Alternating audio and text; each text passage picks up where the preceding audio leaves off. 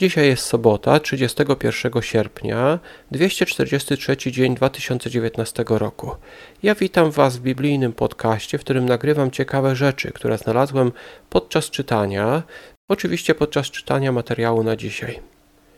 Dzisiaj zaczynamy Księgę Rut oraz Księgę Jeremiasza. Na dzisiaj był też do przeczytania najbardziej znany rozdział pierwszego listu do Koryntian – a na koniec będzie o pozornej sprzeczności w 26 rozdziale Księgi Przysłów. Rut, rozdział pierwszy. Noemi po śmierci męża i synów wraca ze swoimi synowymi, które są Moabitkami. Gdy Noemi zachęca je do powrotu, Orpa odeszła, ale Rut powiedziała słowa zapisane w wersecie 16. Rut, pierwszy rozdział, werset 16 mówi tak. Odpowiedziała Rut: nie nalegaj na mnie, abym opuściła Ciebie i abym odeszła od Ciebie, gdyż gdzie Ty pójdziesz, tam i ja pójdę. Gdzie Ty zamieszkasz, tam ja zamieszkam. Twój naród będzie moim narodem, a Twój Bóg będzie moim Bogiem.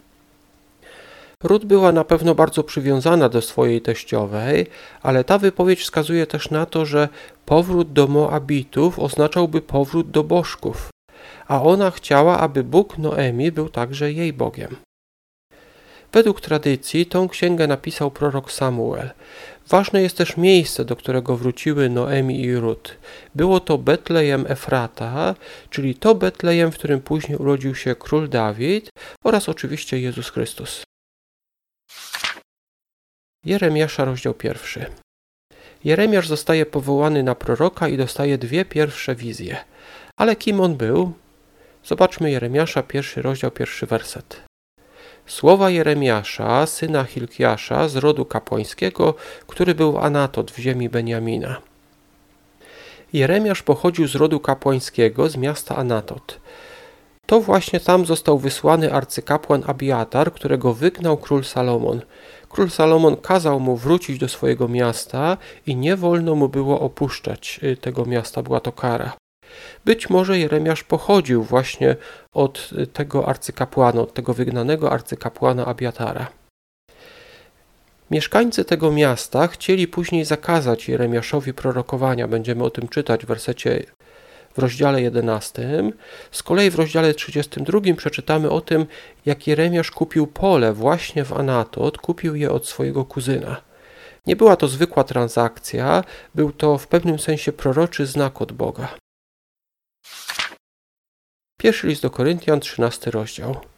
Cały ten rozdział jest poświęcony miłości. Są to chyba najbardziej znane słowa z pierwszego listu do Koryntian i być może nawet najbardziej znane słowa z Biblii. Niektórzy znają je wręcz na pamięć. Zobaczmy może 1 Koryntian 13 rozdział werset 3. I gdybym rozdał na jałmużnę całą majętność moją, a ciało wystawił na spalenie, lecz miłości bym nie miał, nic bym nie zyskał. Apostoł Paweł tutaj mówi o wielu takich dobrych cechach, na przykład e, o rozdawaniu jałmużny, ale mówi, że te rzeczy bez miłości są nic nie warte. Co się dzieje właśnie z takimi dobrymi cechami, gdy nie ma miłości? Może przytoczę Wam takie słowa, które kiedyś ktoś napisał i które bardzo mi się podobają. Odpowiedzialność bez miłości rodzi bezwzględność. Sprawiedliwość bez miłości rodzi surowość. Porządek bez miłości rodzi małostkowość. Godność bez miłości rodzi pychę. Wiara bez miłości rodzi fanatyzm. Myślę, że warto zapamiętać, że te dobre cechy bez miłości mogą spowodować, że będziemy mieć taką złą cechę. Księga Przysłów, rozdział 26, wersety 4 do 6. Wersety 4 i 5 zdają się sobie zaprzeczać. Przeczytajmy je może. Przysłów 26 rozdział, najpierw werset 4. Nie odpowiadaj głupiemu według jego głupoty, byś nie stał się jemu podobny. Teraz werset 5. Głupiemu odpowiadaj według jego głupoty, by nie pomyślał, że jest mądry. Czwarty werset przestrzega przed odpowiadaniem głupiemu w podobny do niego sposób. Czytaliśmy tam, byś nie stał się jemu podobny. Czyli nie odpowiadaj głupiemu według jego głupoty, czyli nie stosuj jego metod, na przykład szyderstwa. Z kolei piąty werset mówi: Odpowiedz głupiemu według jego głupoty, w jakim celu, by nie pomyślał, że jest mądry. Czyli inaczej mówiąc, wykaż mu, że to, co on powiedział, nie ma sensu, że jest głupie.